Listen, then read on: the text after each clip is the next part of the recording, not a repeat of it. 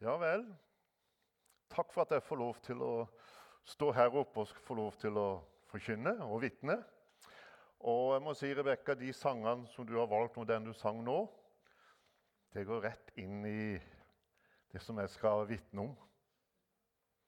Så det er kjempebra. Jeg kjente virkelig det var, Jeg kunne gjerne satt lenger og vært med og sunget i sånne sanger som det. Få lov til å være med og lovprise Jesus.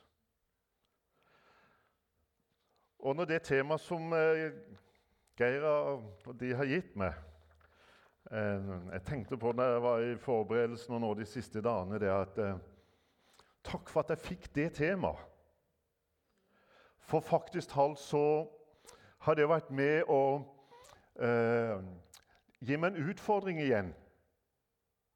Hva betyr Jesus for meg? Det ble personlig igjen. Og som jeg sa til Geir, det det har under forberedelsen, og senest også i dag når Reide og hadde bønnestund, så, så, tok de tak i meg. Nå har jeg altså vært frelst i eh, 52 år. 52 år har jeg fått lov å være en kristen.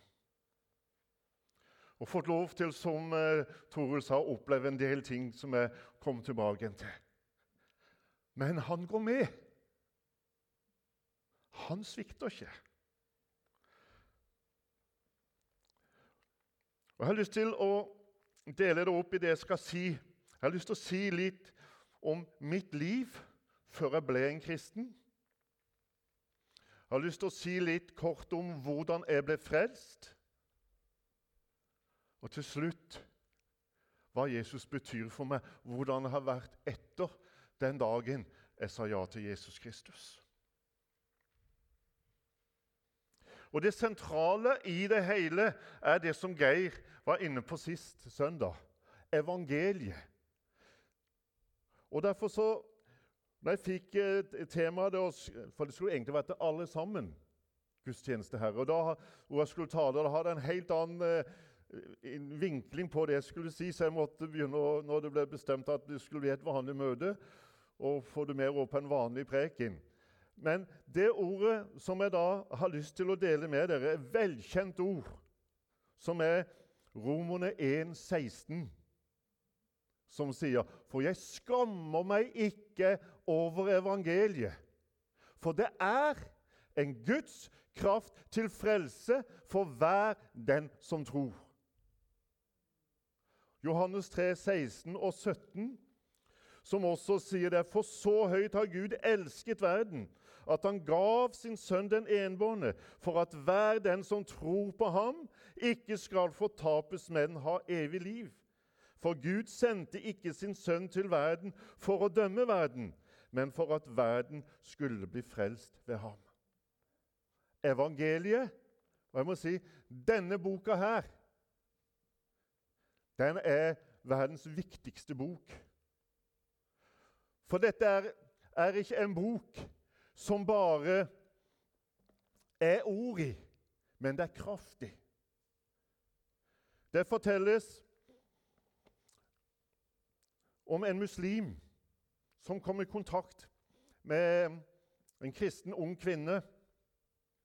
Og denne unge kvinnen som var der ute som misjonær, spurte denne muslimen om han ville ha Bibelen. Nei, hva skal jeg med den? Jeg har Koranen. Jeg behøver ikke ha Bibelen, jeg. Jo, men kan, kan, du ikke bare ta den, i alle fall? Jo, jo, jo, jo, jo da. Så det var liksom sånn for høflighets skyld så skal jeg ta imot den.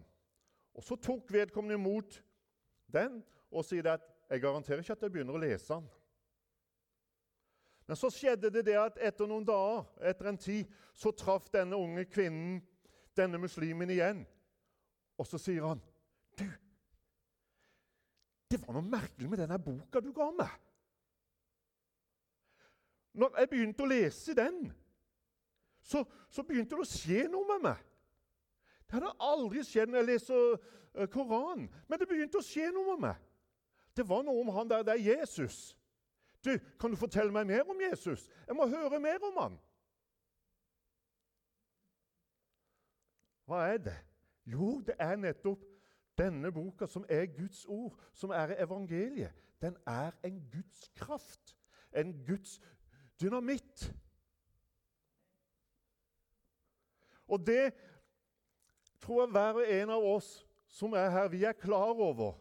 Hadde det ikke vært for denne boka, og at vi hadde fått høre om budskapet i denne boka, så hadde ikke du og meg satt her som Guds barn. Og det er også min historie. Min bakgrunn. Jeg er oppvokst i et godt og trygt hjem hvor denne boka her har vært sentral. Hvor jeg har hatt foreldre som var aktive med i Guds menighet, Misjonskirka i Arendal. Og jeg ble tidlig tatt med på, på møtene, på søndagsskolen, helt ifra begynnelsen av. Men jeg var i min barndom ja, Det vil si det, det er du nå òg, men jeg var veldig full fart i. Jeg hadde, som vi sa i Arendal, hadde nudder ei fua. Jeg kunne ikke sitte stille.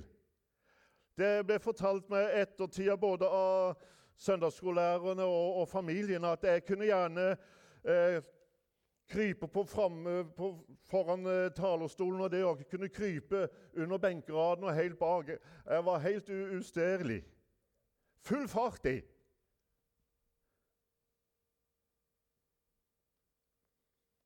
Men eh, Videre så har jeg fått lov til å være med i Fakkelspeideren, som det het den tida i Misjonskirka i Arendal. Jeg har vært på junioren.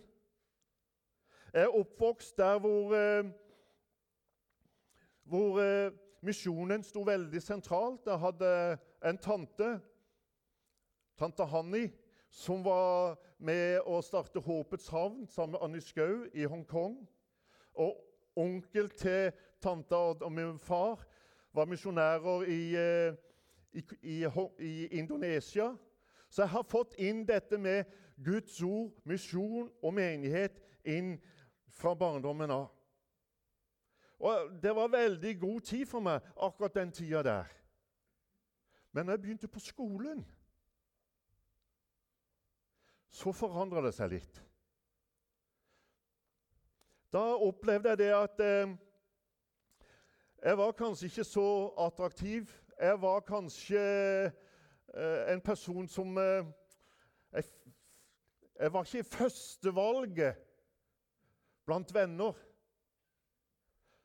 Jeg var liksom det liksom sånn på slutten ja, 'Harald, hvis du vil, så kan du være med.' Liksom eh, femte hjul på vogna. Og Det førte meg nok til at jeg ville prøve å få en posisjon så det at jeg ble med i gjengen som mobba de andre. Og jeg vet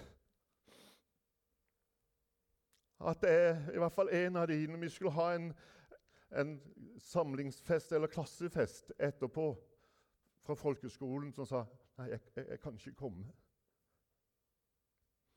For han var et mobbeoffer. Og jeg var en del av det.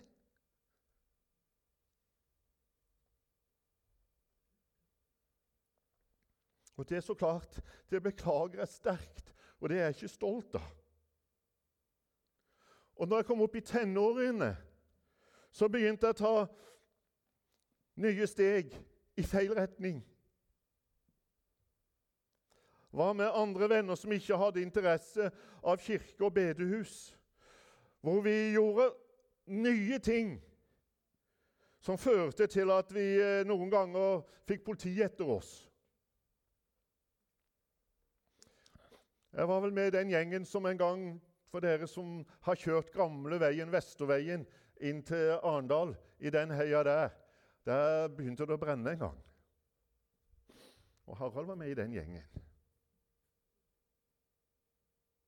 Og en del andre ting som jeg var med og gjorde. Var bl.a. også med lenger oppe i den gata, oppe i den bakken der, så var, satt vi der og kasta eikenøtter og steiner på bilene som kjørte forbi. Så bilene stoppa jo, og, og Da begynte vi å løpe, for da, de så jo hvor det var hen. Og det var en sånn dør opp til der vi var.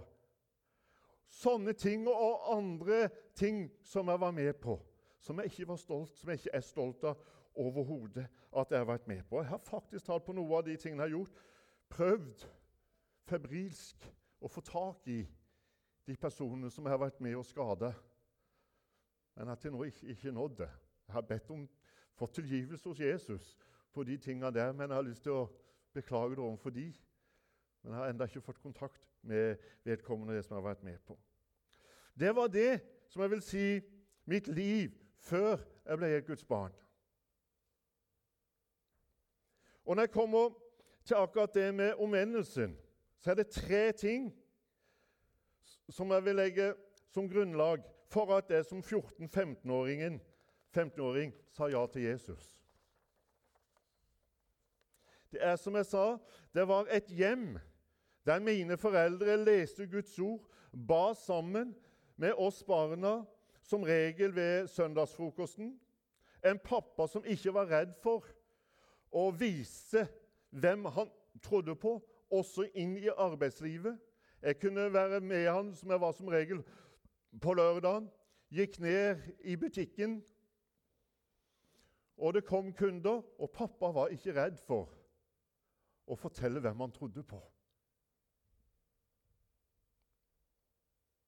Og det å få lov til å erfare dette helt ifra barnsbensa, tenåring, det gjorde noe veldig med meg. Og I tillegg så ser jeg for meg nå Nå er jeg oppe på Skibbaheia, der jeg bodde. Eh, jeg hadde mitt soverom ved siden av mamma og pappa. Og det kunne, når jeg la meg om kvelden, og mamma og pappa hadde lagt seg, og hørte at de ba for oss barna og nevnte mitt navn. Det har også vært med å sette spor. Mamma og pappa visste at den som ber, skal få. Og pappa visste at bønn er kraftfull i det øyeblikket du ber og nevner for personer. Så skjer det noe. Han lærte meg Det er akkurat som eh, med mobil, telefon.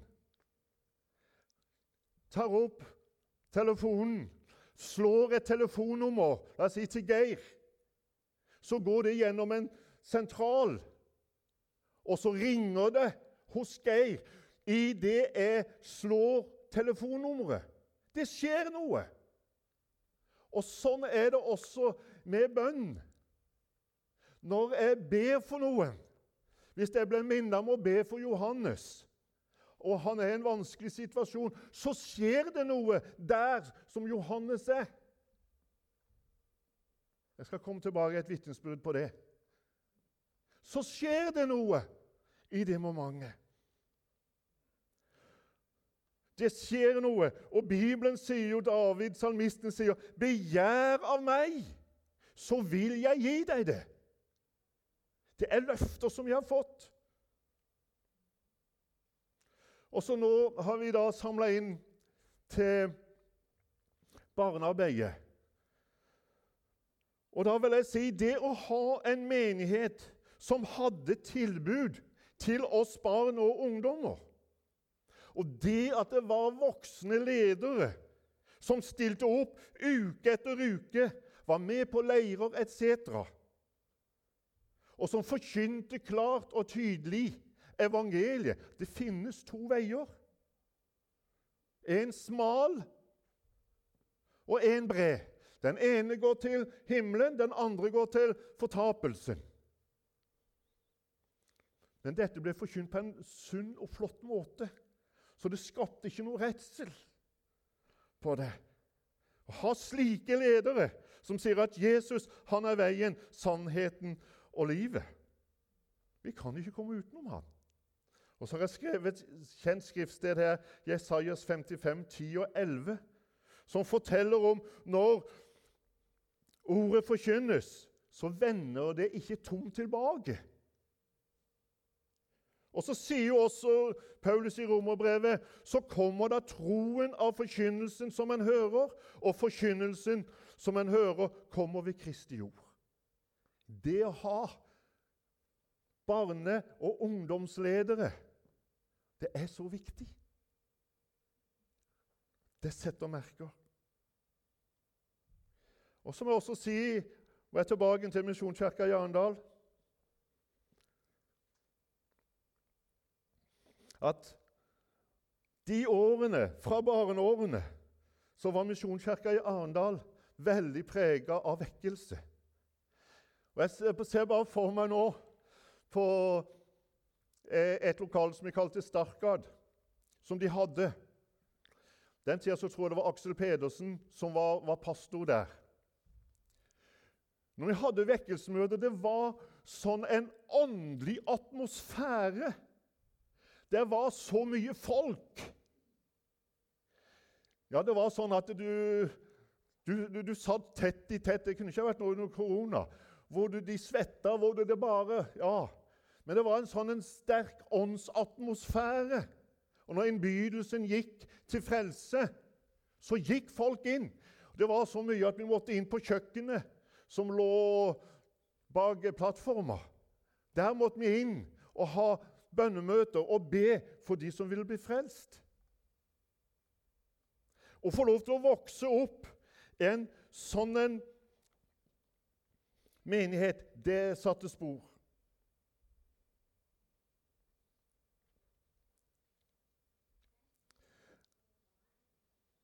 Og jeg opplevde jo det at eh, en dag Nå, nå kommer til selve frelsesopplevelsen. Jeg skal ta den kort. Kunne dratt ut den også. Men jeg hadde som sagt en pappa som var aktiv med i menigheten. Han hadde sin butikk var rett over gata til Misjonskirka. Og han var formann på denne tida i menigheten. Og han skulle så klart eh, inn en lørdag som jeg var der nede, eh, inn og snakke med pastoren. Og Så sier han det, 'Harald, kan ikke du sitte der og passe på butikken nå?' Og, og hvis det er noen som absolutt skal snakke med meg, så må du komme og hente meg. Så klart det var det. Når du er 14-15 år, liksom sånn, og så skal du, sitter der, og så skal du hen til pastoren hvis det skjer noe sånn. Da visste jeg hva som ville skje.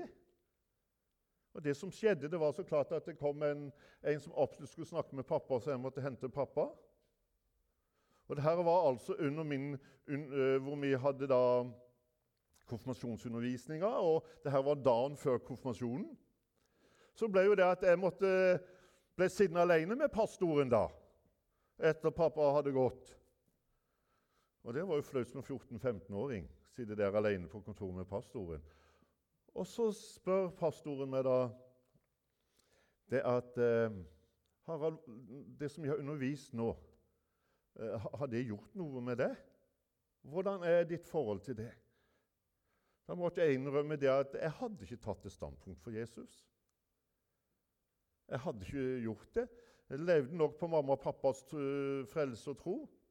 Men da ble jeg stilt på valg.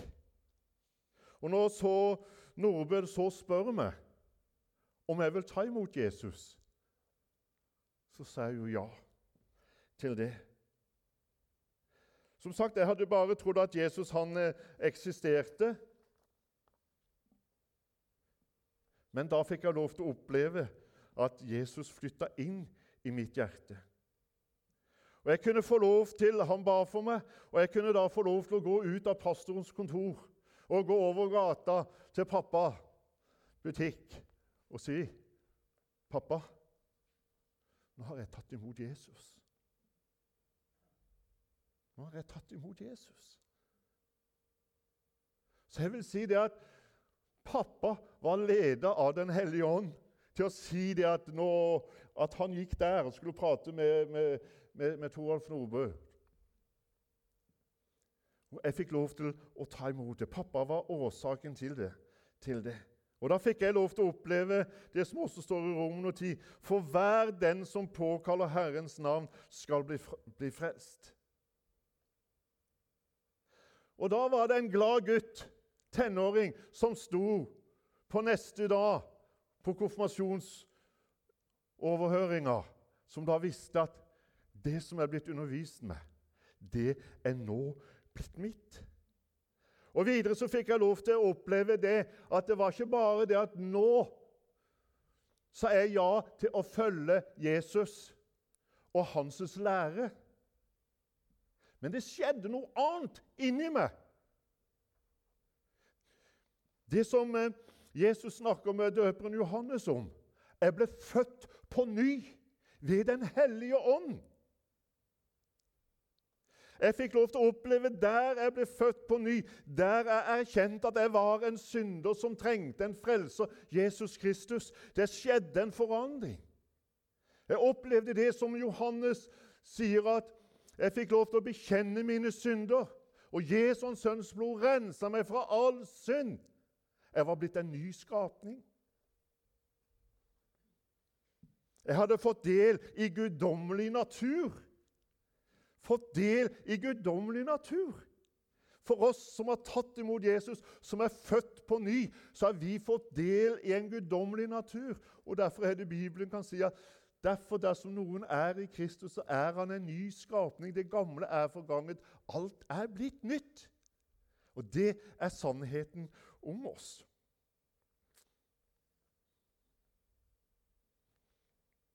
Og Da kunne jeg få lov til å vite at veien framover, den gikk jeg ikke alene. Og så kommer nå siste punktet. Hvordan ble livet etter, om etter omvendelsen? Og hva har Jesus betydd for meg?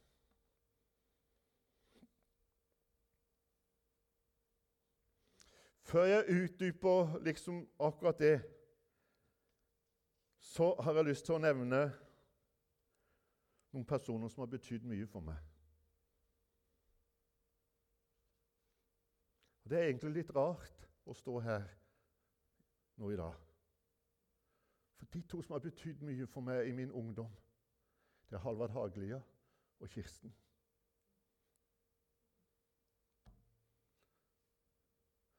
Jeg er så takknemlig for de årene som Halvard og Kirsten var pastorpar i Misjonskirka i Arendal.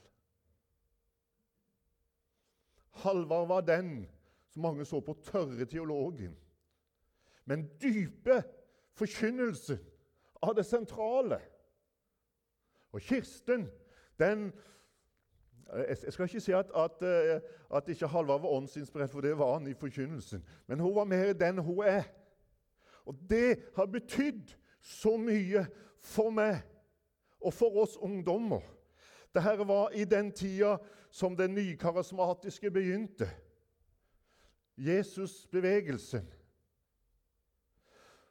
Og Kirsten pluss en del eldre i menigheten, vaktmesteren i Misjonskirka i Arendal, stilte opp søndag etter søndag etter kveldsmøtet var ferdig, hvor vi gikk bak, snudde benkene var sammen og ba for hverandre, oppmuntra hverandre, ba om at nådegavene skulle være i funksjon hos oss. Og vi opplevde den ene etter den andre av oss ble fylt av Den hellige ånd, eller døpt i Den hellige ånd. Og vi fikk lov til å komme inn i og se virkelig i vårt eget liv hva bønnen formår, og hva bønnen gjør. Hvor vi fikk erfare at bønnen det ble en del av vårt liv.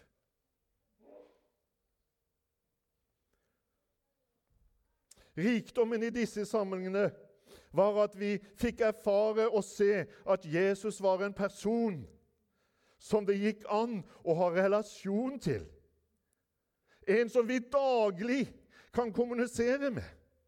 Jesus er en som kjenner meg ut og inn. Og Derfor så sier jo Guds ord da jeg var et foster, så dine øyne meg.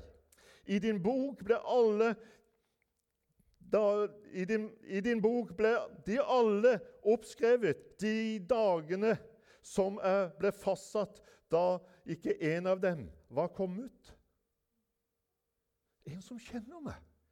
Og som også Bibelen sier i salme også det at han vet at det er støv. Han kommer det i hu. Men allikevel så ser han jeg er verdifull, jeg betyr noe. Og jeg får lov til å tre like inn. Han inviterer meg inn i sin nærhet. Tett inntil ham. og hvor jeg får lov til å kommunisere, hvor vi får lov til å kommunisere med hverandre. Noe av dette var det som vi fikk lov til å oppleve i den tida da Halvard og Kirsten var pastorpar. Og dere som uh, har vært på, var på uh, sist formiddagstreff Der evangelieteamet fra Misjonskirka i Arendal Eller de var fra forskjellige menigheter, men fra Arendal, som Gjermund hadde med seg. Han på trekkspillet. Ragnar Fianbakken. Han var også med på dette. Og har fått lov til å fikk erfare dette og få lov til å bevare denne gløden for Jesus. Og For oss ungdommer så begynte det hele den tida som Halvard og Kirsten var pastorpar. Det var en av de første menighetene de betjente. De var unge, men de var fulle av liv. Hva betyr Jesus for deg? Jo, det er en ting som betyr for meg det er at Jesus ser meg i de forskjellige fasene av livet. Når jeg fortviler og kjenner meg liten og jeg er ingenting verd, kommer han til meg der i sin nærhet, der jeg får lov til å være alene med ham. Det er enten ei bønn ved bibellesning eller når jeg er i bønn. Jeg har en opplevelse på det i denne perioden etterpå, hvor jeg var litt fortvila. Eh, hvor jeg, jeg, var inne i en sånn en fase hvor jeg følte meg null og niks. Jeg fikk ingen tilbakemeldinger, positive tilbakemeldinger på det jeg var med på.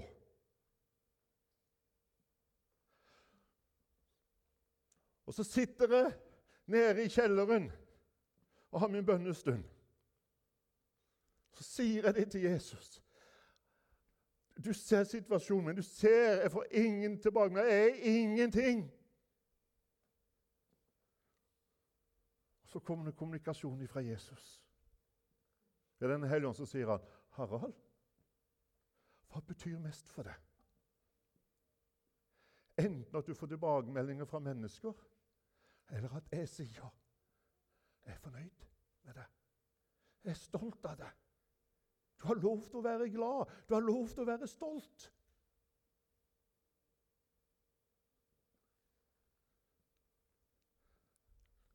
Hva tror dere jeg falt på? Så klart det at Jesus sier. At jeg er fornøyd med det. Jeg er stolt av det. Selv om ikke andre ser det, og du feiler, så er jeg stolt av det.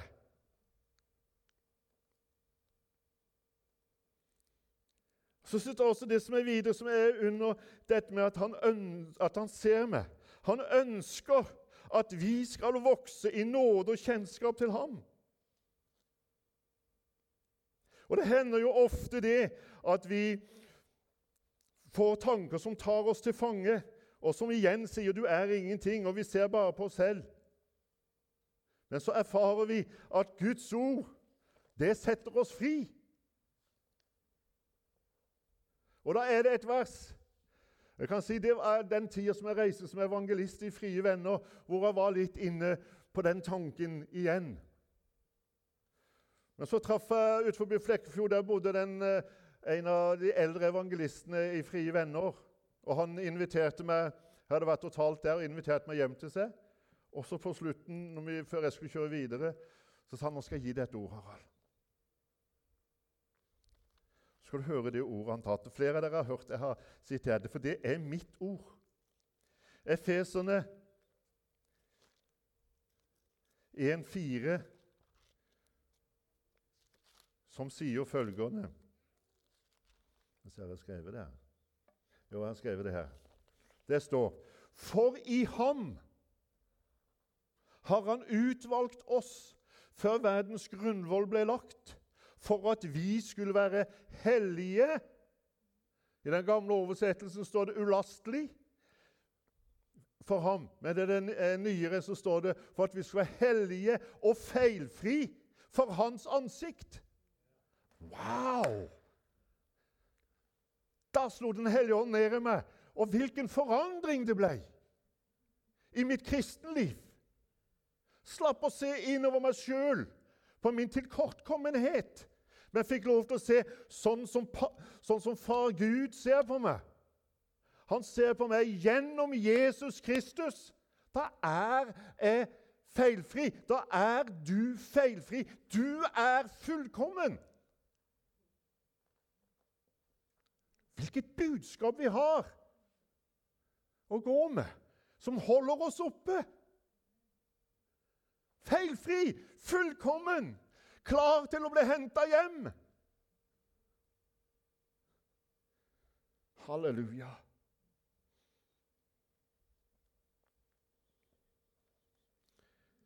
Og en ting til. Nå sa han ser oss. Men en ting som betyr noe, og hvorfor jeg elsker Jesus Han er trofast. Også når det butter imot, og du opplever virkelig at livet det blir tøft, du blir helt nede Du føler liksom at grunnlag, den menneskelige grunnlaget under beina de bare faller bort. Du er ingenting. Men da har vi heldigvis et fundament som ikke brister. Han er trofast. Nemlig Guds store kjærlighet og trofasthet. Og jeg kan oppleve i de mørkeste stundene, i de mørkeste tunnelene Når du er der, så opplever en at han som har full kontroll, han sender folk til deg som du ikke skulle vente ville komme. Jeg opplevde en periode som jeg var helt nede, langt nede. Da kom det en som jeg i hvert fall ikke hadde trodd at presten i bygda kommer og banker på døra mi. Jeg hadde en god kontakt med han, men jeg hadde ikke tenkt liksom så sier du Harald, jeg hører at du har det vanskelig. Hvis du trenger noen å snakke med, så stiller jeg opp for deg.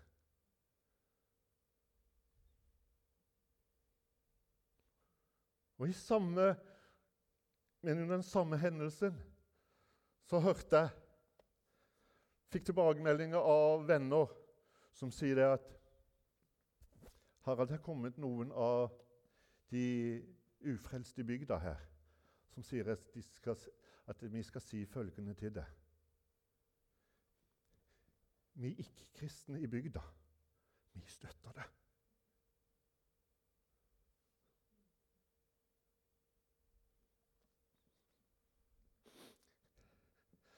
Jesus er trofast.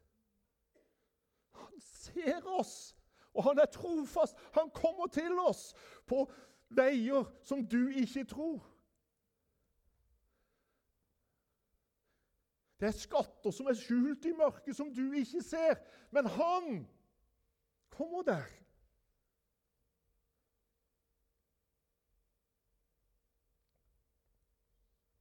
Og I denne momentet her så har jeg lyst til å si en ting som er veldig viktig for meg. Jeg kunne holdt en hel preken om det, men jeg skal bare nevne det. Det er viktigheten og virkningen av tilgivelsens kraft. Hvis du Hvis vi ikke tilgir,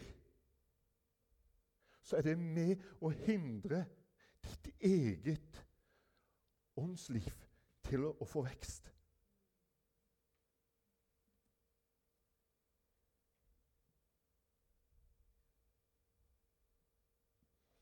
Vi må ville tilgi. Vi, vi ba jo det i stad. Forlat oss vår skyld, slik som vi også forlater våre skyldnere. Jesus har jo lært oss denne bønnen. Det er en sentral ting i det hele evangeliet. Han tilgir oss. Og han vil at vi skal tilgi andre. Jesus ønsker, for han ønsker at du og meg skal ha en åndelig vekst. Oi, jeg klokka så mye. Jeg, har bare, er snart ferdig.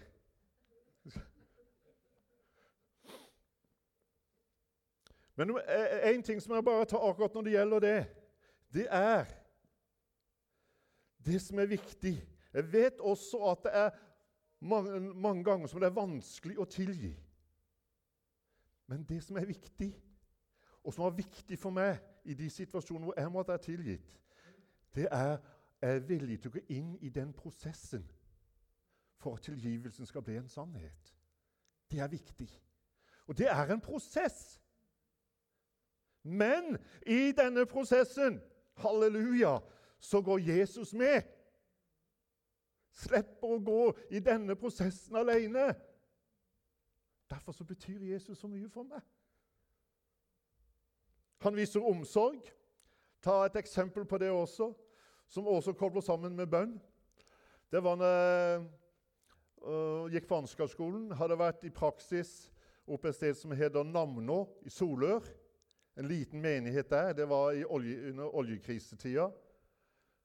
Um, så hadde jeg vært og besøkt noen Jeg skal ikke ta den historien kort. Jeg skal ta den kort. Du har hørt den. Er det noen som har hørt den, som ikke har hørt den? Jeg skal ta kortversjon. Det som var, det her var en januar, det var glatt. Jeg var i ferd med å kjøre utfor.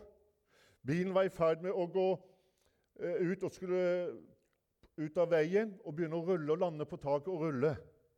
Men idet eh, bilen er der, så kommer det en hånd på vindussida, og så hiver bilen opp. Sånn at jeg bare sklir. Skjer ingenting med meg, ingenting med Bibelen. Og Så kommer jeg til navnet til matmora mi. Så det første hun sier til meg, 'Harald, og hva som skjedde med deg, da?' Har det skjedd noe med meg? Ja, det må det ha gjort. For når jeg satt med frokostbordet klokka da og da, så sier Jesus til meg, 'Nå må du be for Harald, han trenger min hjelp.' Og det var presis når jeg gikk rundt. For meg så viser det bare Jesus, han har omsorg. Og hva fører det til for meg når jeg opplever å ha Jesus sånn? Jeg opplever at det her kan jeg ikke holde for meg sjøl. Og Derfor også så jeg, jeg har vært så glad de 26 årene som jeg fikk lov til å jobbe i Kristiansand parkering. Samtidig som jeg var aktiv her. Fikk lov til å møte mennesker der som jeg enda i dag har kontakt med, og som ringer meg, sender meldinger. Og Den ene som jeg tenker på nå, hun hadde her for en tid tilbake, hvor, eh, rett før jeg slutta, så sier hun det at eh, Du, Harald Så forteller hun når jeg kjørte hjemover til Mossby, så plutselig så ser jeg opp på skyene, de skyene foran meg. Der blir det forma som en engel. Så sier hun, 'Harald, ba du for meg?' Ba du for meg da? For jeg hadde sagt at jeg ba for henne. Hva er det? Det jeg har fått. Det kan jeg ikke la være å tale om det jeg har sett og hørt, til meg videre. Gud er trofast. Tilgivelsens kraft, han er der. Og det at jeg får lov til å stå oppreist For å si som jeg sa en gang tidligere, alle de trykk 16 som jeg har fått opp igjennom tiende Å få lov til å stå her, være begeistra for Jesus Det er takka være Han. Han er trofast. Han ser meg. Han kommer til hjelp. Han har omsorg. Får vi lov, jeg lov til å være med sammen med dere, være hans føtter på bakken. Derfor så får du og meg lov til å oppmuntre hverandre og be. Be for byen. Så vet vi at Jesus han har ett ønske. Det er at Kristiansand skal bli frelst. Vi kan være med og be om fred over Kristiansand. Hvis vi går inn for det, så vil det skje. Da tror jeg stopper.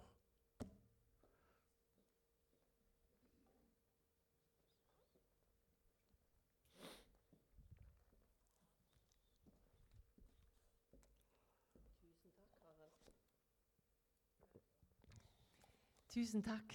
Vær så god. Du er et sånn utrolig eksempel på å ha gleden i Herren er min styrke. Og dette med å eh, stole på Gud og bli satt fri fra menneskefrykt.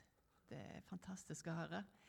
Um, vi har jo eh, vil, vil, jo gjerne invitere eh, dere som er til stede her i møtet, og, og være med og dele. Og når vi hører en sånn inspirerende tale som Harald eh, gir oss i dag, så er det kanskje noen som kjenner at de får en påminnelse, et Guds ord, eller eh, noe de har lyst til å si til noen spesielle, et kunnskapsord eller noe, så er dere hjertelig velkommen til å komme opp og dele det. Eh, og dere kan òg tenke på det når lovsangerne går på nå ganske øyeblikkelig. Eh, hvis dere trenger litt tid til å tenke på det.